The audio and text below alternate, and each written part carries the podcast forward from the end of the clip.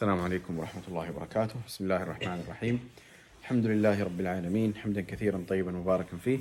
كما يحب ربنا تبارك وتعالى ويرضى اللهم لك الحمد لا نحصي ثناء عليك. أنت كما أثنيت على نفسك. الحمد لله كما ينبغي لجلال وجهه وعظيم سلطانه. اللهم صل وسلم على عبدك ورسولك محمد. استعينوا بالله ونستفتح المجلس التاسع من مجالس أنوار الأنبياء المتعلق بسورة يوسف. وإن كان في التسلسل العام هذا المجلس في الثلاثينات. نسأل الله سبحانه وتعالى التمام والقبول. آه كنا قد تناولنا في اللقاء السابق آه قول الله سبحانه وتعالى ولقد همت به وهم بها لولا أن رأى برهان ربه. إلى آخر الآيات. آه أو إلى آخر الآية. اليوم سنبدأ من قول الله سبحانه وتعالى واستبق الباب.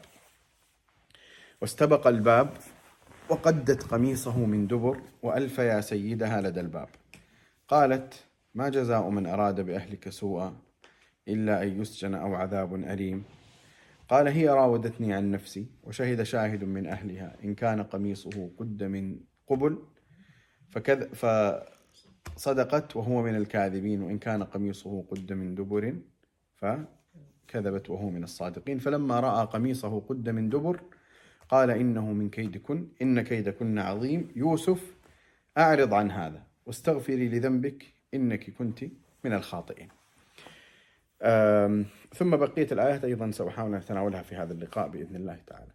الآن يوسف عليه السلام بعد أن رأى برهان ربه وصرف الله سبحانه وتعالى عنه السوء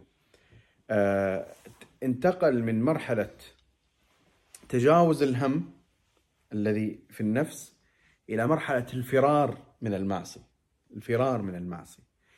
وهذا يدل على صدق الهم الداخلي الذي يوجه يوسف عليه السلام إلى طاعة الله سبحانه وتعالى والبعد عن السوء. وهذا فيه يعني فائدة وهي أنه إذا كان الإنسان صادقا فليظهر عليه من آثار صدقه، كان صادقا في البعد عن المعاصي والذنوب فليظهر يظهر عليه من آثار صدقه. يعني هنا أثر الصدق في يوسف ويوسف هو الصديق. أثر الصدق في يوسف دفعه إلى الفرار الهروب الركض. وكان هذا الفرار فيه سرعة لأنه استبق. تمام؟ آه وأيضا قد القميص يدل على أنه كان في اندفاع في في الهروب. جيد؟ لأنه الإنسان إذا المشية العادية ولا الهدوء ما ما يؤدي الجذب إلى لكن واضح أنه في شد وجذب أو في سرعة وإيقاف مما يدل على شدة الهروب من المعصية. وهذا ينبغي أن يكون أو هذا الفعل فيه قدوة وفيه مثل للمؤمن أنه إذا أراد أن يفر من المعاصي فليتخذ لذلك اسبابا وليظهر صدقه في ذلك. والله سبحانه وتعالى يتم له يتم له. لكن أن يكون الإنسان هو الذي يغلق الأبواب على نفسه وهو الذي يعني يجلب المعاصي والذنوب إلى نفسه ثم بعد ذلك يقول والله ماني قادر أتخلص من الذنوب ففي فرق بين الحالتين. فرق بين حالة من يهرب من الذنب ومن يجلب الذنب إلى نفسه. آه، وألف يا سيدها لدى الباب. من هذه الجملة يعني من قوله الجملة التالية قالت ما جزاء من أراد بأهلك سوءا. عدة آيات. هذه الآيات تكشف عن طبيعة الكيد الذي كان لدى هذه المرأة. وهذا الكيد آه، موجود. ليس خاصا بها. يعني هذا الكيد منتشر وهو كثير عند النساء. ليس كل النساء بطبيعة الحال. هناك نساء آه، كما قال الله سبحانه وتعالى كما وصفهن في سورة النساء قال فالصالحات قانتات حافظات للغيب بما حفظ الله. والنساء يتفاوتن. لكن عند من لا تنتشل نفسها من يعني خلينا نقول العوائد والأعراف التي فيها قدر من الانخفاض فإنها تدخل في إشكالية هذا الكيد. آه الكيد هذا له صور سيأتينا الآن عدة صور من الكيد الذي والكيد والمكر الذي قامت به امرأة العزيز وأيضا نسوة النسوة اللاتي في المدينة. فهنا مباشرة اتخذت موقف المظلوم وهي الظالمة واتخذت موقف البريء وهي المتهم. ولكن هذا كان في لحظات يعني مباشرة استطاعت أن تقلب القضية. آه، فقالت ما جزاء من أراد بأهلك سوءا إلا أن يسجن أو عذاب أليم. بعدين أتت بها كاملة. يعني حتى ما قالت أنه مثلا هو فعل كذا لا. يعني أتت بأسلوب هذا الأسلوب كأنه, كأنه, كأنه لا يصدر إلا بخطة لكنه صدر مباشرة. فقالت ما جزاء من أراد بأهلك سوءا؟ ملاحظ قالت أراد ما فعل. ما جزاء من أراد بأهلك سوءا إلا أن يسجن أو عذاب أليم. محددة العقوبة. كله في لحظة. واللي يسمع أو اللي يشاهد هذا المشهد خاصة كونها امرأة آه، ممكن آه، يعني ممكن يصدق مباشرة. ممكن يصدق مباشرة هذا هذه المرأة إذا ما كان متأنيا وكان محكما للعقل ومحكما للدليل ومحكما للبرهان. فهناك مشكلة عند البعض في أنه الذي صوت من من يصدر صوته بصيغة أعلى فهو المصدق. من يتباكى أو يبكي فهو المصدق. من يكون ضعيفا فهو المصدق. من يكون أقوى فهو المصدق. هذه كلها معايير زائفة معايير زائفة. وهذه نحتاج أن ننتبه إليها. يعني لازم يكون عند الإنسان معيار. ليس من كان قويا فهو الصادق. فرعون كان يقول إني أخاف أن يبدل دينكم أو أن يظهر في الأرض الفساد. من يأخذ هذا النص وحده ويقول فرعون ما شاء الله عليه يا أخي الله يكثر من أمثاله اللي كذا بس يشوف الجملة هذه يعني. إنه خاصة هذا يقصد اللي هو أو أن يظهر في الأرض الفساد. ما شاء الله يحارب يعني. طيب بس انظر إلى حاله وهو يذبح الأطفال. الشعارات دائما تطلق في كل الأزمنة. هذه المرأة نفس الشيء. ما جزاء من أراد بأهلك سوءا إلا يسجن أو عذاب أليم. ولما تنظر لجواب يوسف ترى جواب يوسف عليه السلام ما كان في كلام كذا هي راودتني عن نفسي. شيء مباشر. الفائدة التي نستفيدها هنا إنه الإنسان ما يكون خفيفا في تصديق أي أحد، الآن موجود هذا يعني موجود مثل هذه الأمور. خاصة في شبكات التواصل في شيء موجود. آه اتهامات، كلام، شائعات إلى آخره، أشياء تردد على أشخاص.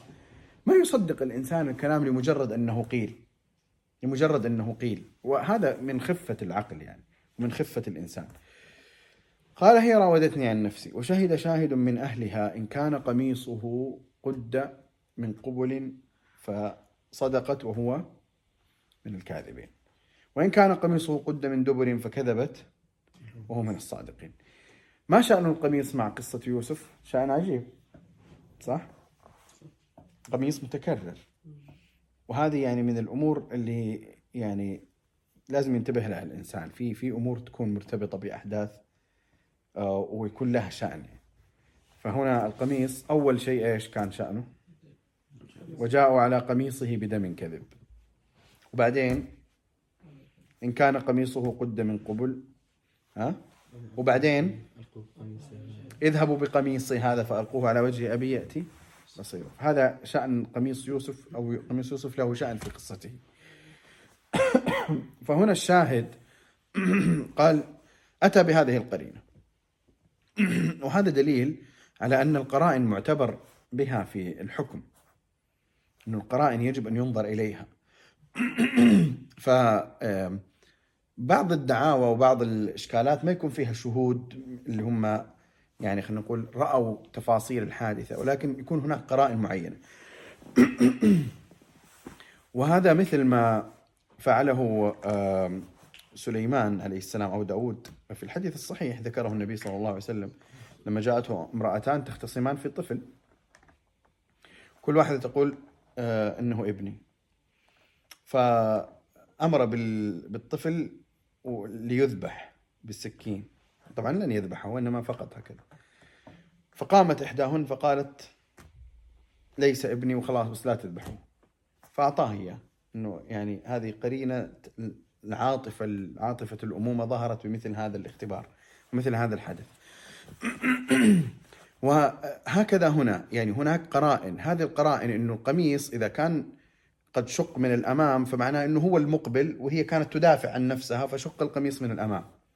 وإذا كان شق من الخلف فمعناه أنه هو كان هارب وهي التي تحاول أن تأتي به فشق من الخلف فدليل هذا على براءته.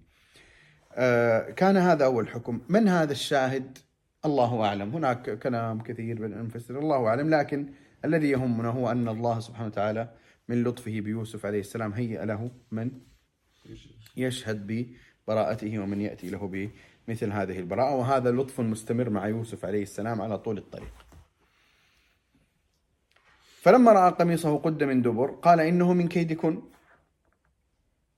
إن كيدكن عظيم. خلاص واضح الآن للعزيز أنه امرأته هي المذنبة وهي وهذا كيد اللي سوته أنه ما ما جزاه ومن أراد به هذا كيد. جيد؟ ولكن لم يكن الرجل حازما. ولم يكن شديد الغيرة ولم يكن يعني مستوي التدبير. وواضح أنه انه امرأته ربما كانت أقوى منه. آه، بل إن ابن تيمية في بعض كلامه يعني يشير إلى يشير إلى كلام شديد في هذا الرجل يعني. يعني يقول عديم الغيرة يعني. إنه يعني بعد هذا كله آه، لم يقطع الأسباب مرة أخرى. واستمرت امرأة العزيز وجمعت النسوة ولئن لم يفعل ما أمره ليسجنن ولا يكون من الصاغرين. بل يقول إنه إنما سجن بأمر العزيز الذي طاوع امرأته في هذه القضية. فكان رجلا يعني ليس تام الرجولة في في آه، قيامه بمثل هذا آه، الشأن. ف قال إيش إيش قال؟ قال بعد ما قال من كيدكن قال يوسف أعرض عن هذا خلاص يعني انسى الموضوع اسكت عن هذا الموضوع واترك القضية ويعني خلاص يعني انتقل إلى غيرها واستغفري لذنبك هذا خطأ أنت خلاص استغفري إنك كنت من الخاطئين وبس طيب يعني بعد ذلك إيش اللي راح يصير؟ هل ستعزل يوسف عن هذه المرأة؟ هل ست لا ما صار شيء واستمر الكيد من تلك المرأة محاولة أن توقع يوسف عليه السلام. وقال نسوة في المدينة امرأة العزيز امرأة العزيز تراود فتاها عن نفسه. قد شغفها حبا. إنا لنراها في ضلال مبين. هذه الجملة تذكركم بمين؟ بمي بإيش؟ وبمين؟ إنا لنراها في ضلال مبين. إخوة يوسف لما قالوا إيش؟ ها؟ أيوه إيش بداية الآية؟ ليوسف واخوه أحب إلى أبينا منا ونحن عصبه إن أبانا لفي ضلال مبين. لاحظ هذه الجملة إن أبانا في ضلال مبين. وهذه الجملة إنا لنراها في ضلال مبين. كلاها خرجت بطريقة خاطئة. طبعا مو طريقة خاطئة إنه المرأة ما كانت في ضلال لا. وإنما الفكرة إنهم أخرجوها بصيغة المرأة النساء أخرجناها بصيغة يعني ظاهر الصورة إنك تقول والله النسوة اللي في المدينة إيش؟ أيوه النسوة في المدينة إن هم يعني إيش؟ آه قد يعني أردنا قطع هذا الشر والفساد والإنكار المنكر وإن هذه المرأة لفي ضلال مبين وقد شغفها حبه. والذي يبدو والله أعلم إنه هذا كله كان مكر وكيد أصلا عشان يشوفوا يوسف عليه السلام.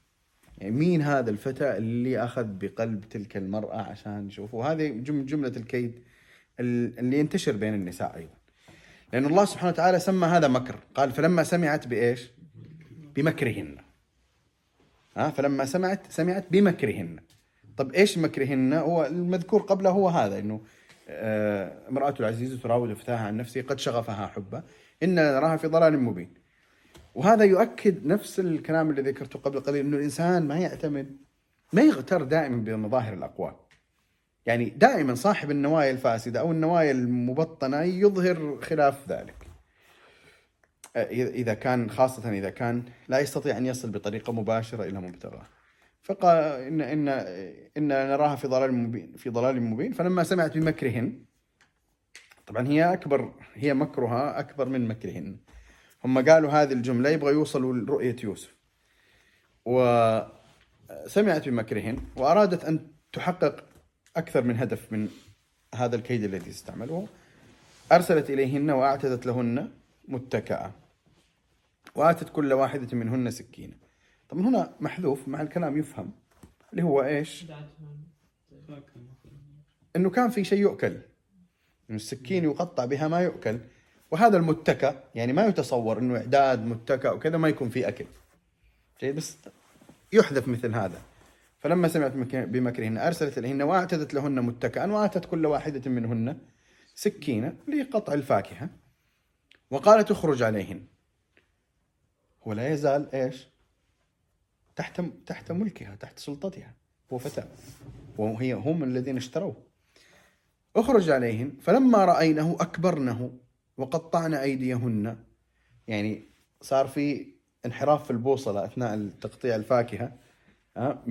من الفاكهة صار في شطف للتقطيع للجلد يعني.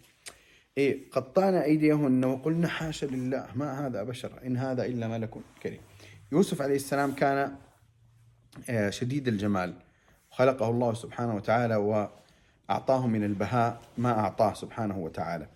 طبعا ثبت في الصحيح أن أن يوسف عليه السلام أعطي شطر الحسن. أعطي شطر الحسن. وشطر الحسن يعني اختلف العلماء في تفسير هذه الجملة. ما المقصود؟ هل المقصود أن جمال البشر يعني أنه كل البشر عندهم 50% من الجمال؟ ويوسف عليه السلام أعطي 50% هناك من يعني ليس هذا هو يعني القول الذي يرجحه كثير من العلماء أصلا. ليس هذا هو المعنى. بل من العلماء من يقول إن هذا بعيد في يعني غاية البعد لمن يتأمل ويتدبر. وإنما يعني آه كأنه كأن حينك تقول مثلا فلان أعطي نصف الشجاعة. يعني لو لو تخيل تخيلنا أعلى ما يمكن أن يتخيل من درجة الشجاعة ها؟ أه؟ لكن ما هو هذا القدر من الحسن الذي أعطي يوسف نصفه؟ هو قدر جعله الله سبحانه وتعالى في شيء من المخلوقات فأعطي يوسف نصفه. ثم اختلفوا ما هو هذا المخلوق؟ وكثير من العلماء يرجح آدم عليه السلام أنه آدم هو أتم ما خلق الله سبحانه وتعالى أنه خلقه بيديه. أنه خلقه بيديه وكذلك روي في الحديث أنه يدخلون الجنة على صورة أبيهم آدم. جيد. فانه يوسف أعطي شطر الحسن من من هذه النسبة، بعضهم قال شطر جمال النبي صلى الله عليه وسلم، بعضهم قال المهم الفكرة هي إنه إنه كان جميلا. وإنه الشطر هذا ليس بالقضية النسبية اللي هي كل جمال البشرية مع بعضها مجتمعة تشكل 50% من جمال من, من الجمال. وإنه لا ليست بهذه الطريقة. طيب قلنا حاشا لله ما هذا بشر إن هذا إلا ملك كريم. قالت فذلكن الذي لمتنني فيه. يعني أنتم جالسين تقولوا قد شاف حبه وفتاة أنا أراها في ظلام مبين هذا هو رأيتنه آه هذا هو الذي الذي لمتنني فيه. وكأنهن بعد ذلك قد أسقطن عنها الملامة. جيد؟ قالت فذلكن. وهذا يدل على أنه أصلا ما كنا يعني ما كانت المبادئ هي اللي تحركهم مو القضية هي أنه يعني إنا نراها في ضلال مبين أنها خالفت الأصول والأعراف أو خلينا نقول مكارم الأخلاق. ها وإنما كانت القضية فيها قدر من المكر والكيد. فقالت فذلكن الذي لمتنني فيه ولقد راودته عن نفسه فاستعصم. هنا الآن الكلام أمام الجميع بالإعلان الواضح أن يوسف بريء.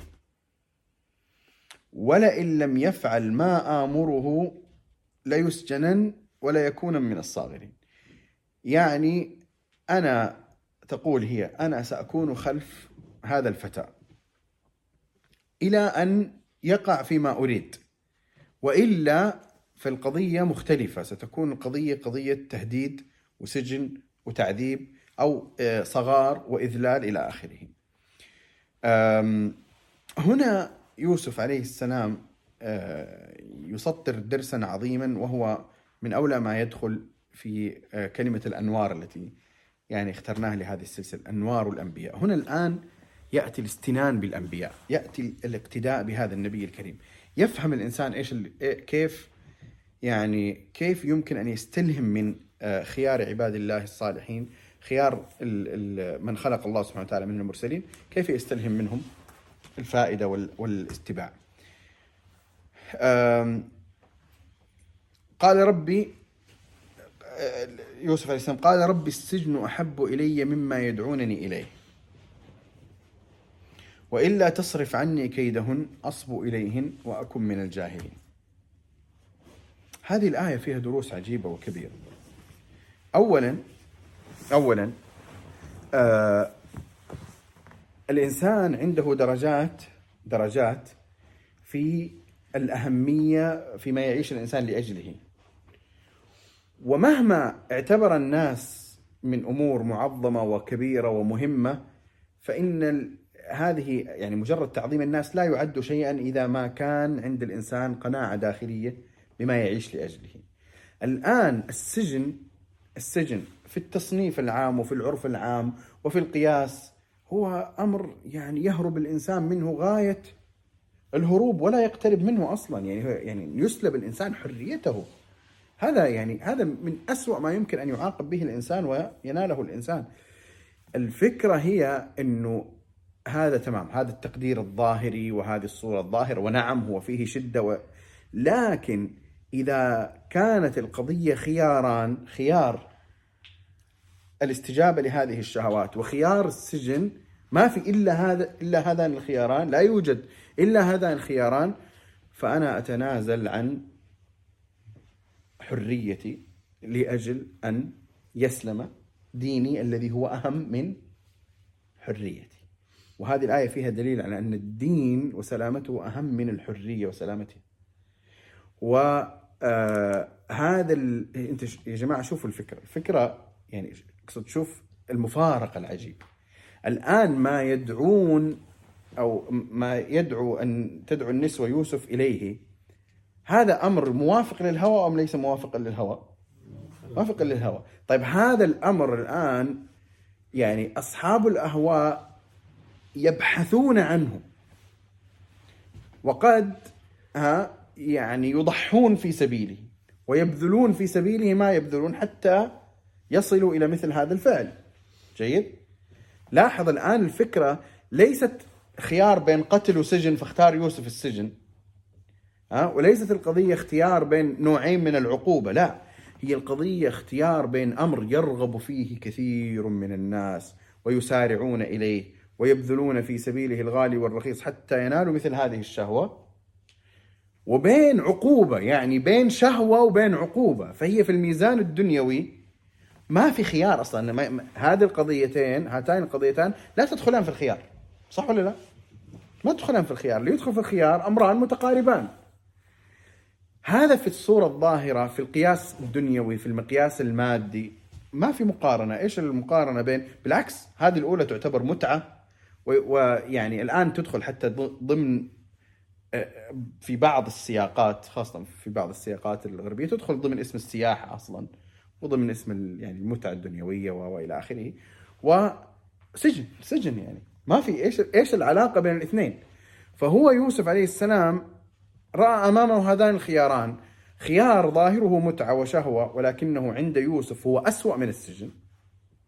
أسوأ من السجن. وخيار آخر سجن.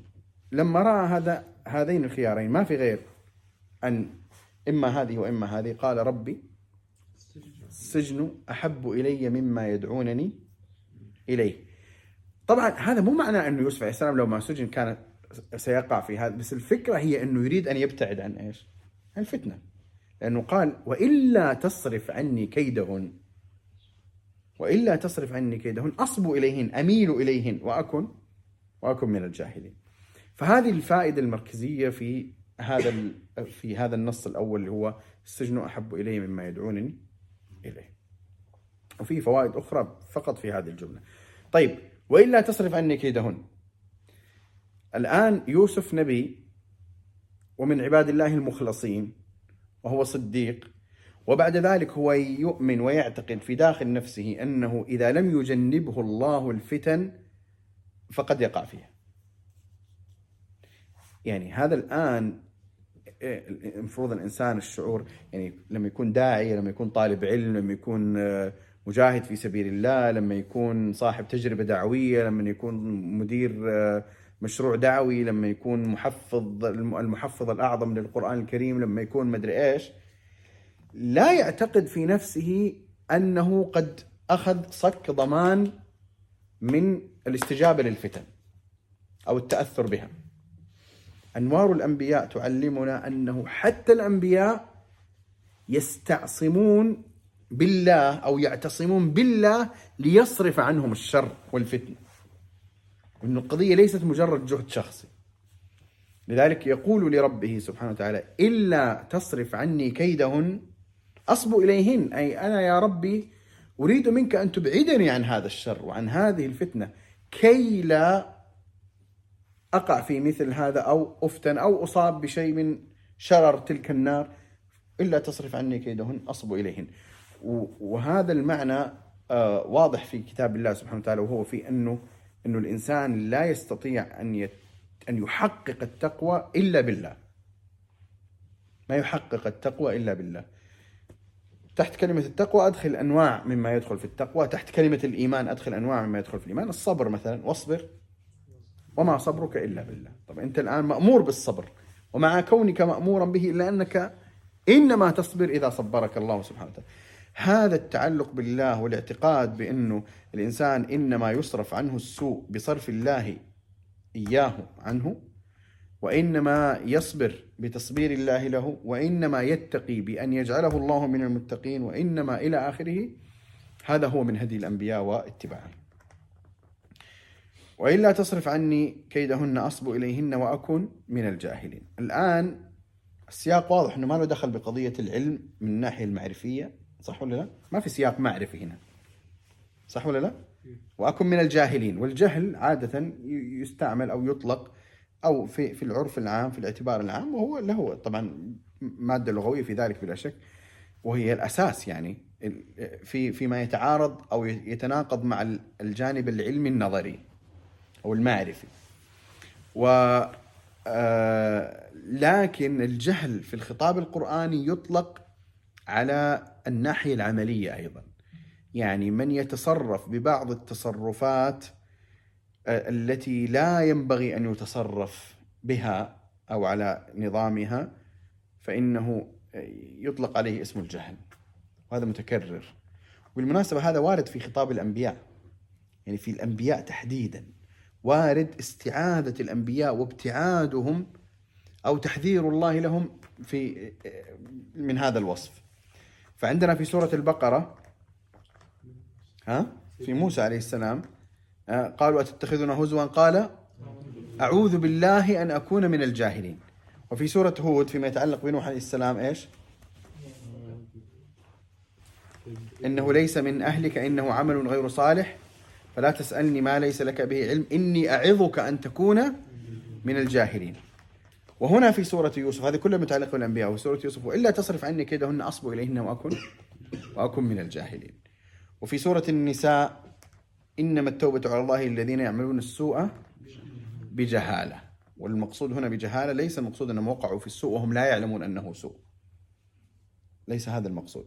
إذا هذا معنى مهم وهو أن الجهل ليس نقيض العلم دائما من حيث من الناحية المعرفية فقط فقط. وإنما يأتي أيضا في سياق من يعلم من الجهة النظرية ثم لا يعمل بمقتضى هذا العلم فيعمل عمل الجاهلين وعمل المسرفين وعمل المفسدين. وهنا آه، يوسف عليه السلام يصف الإقبال إلى هذا الفعل بالجهل. يصف الإقبال على هذا الفعل بالجهل. ولذلك يجب أن نظل نحيي هذا الوصف. يجب أن نظل نحيي هذا الوصف. إنه إنه أنت تصف الأشياء بالمعيار بمعيار الوحي ليس بالمعيار التصنيفي المادي الدنيوي. فهذا الأمر وإن زين وإن زخرف لكنه هو ترى فعل الجاهلين. هو فعل الجاهلين. ولذلك الله سبحانه وتعالى قال في سورة الأحزاب ولا تبرجن تبرج الجاهلية الأولى. وهذا كان يعني سائدا في العرب في وقت الجاهلية. آه، على أي حال وإلا تصرف عني كيدهن أصب إليهن وأكن وأكن من الجاهلين. من أنوار الأنبياء تعلم الدعاء. في سواء الدعاء هذا بلفظه في أمثال هذه الفتن أو الدعاء بمعناه. إنه الإنسان يقدر سياق ما دعا فيه يوسف فيقيس عليه ويدعو بنحو ما دعا في مثل هذه السياقات. هذا من جملة الاستنان بالأنبياء والاقتداء بأنوارهم. آه فاستجاب له ربه فصرف عنه كيدهن إنه هو السميع العليم ثم بدا لهم من بعد ما رأوا الآيات التي فيها براءته ليسجننه حتى حين.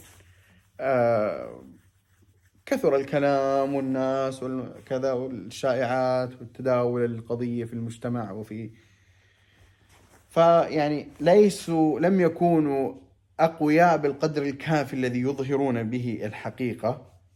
فقالوا أفضل حل هو أنه نبعد يوسف عليه السلام عن الأضواء وعن هذا حتى تخمد آه، الفتنة كما يقال والكلام.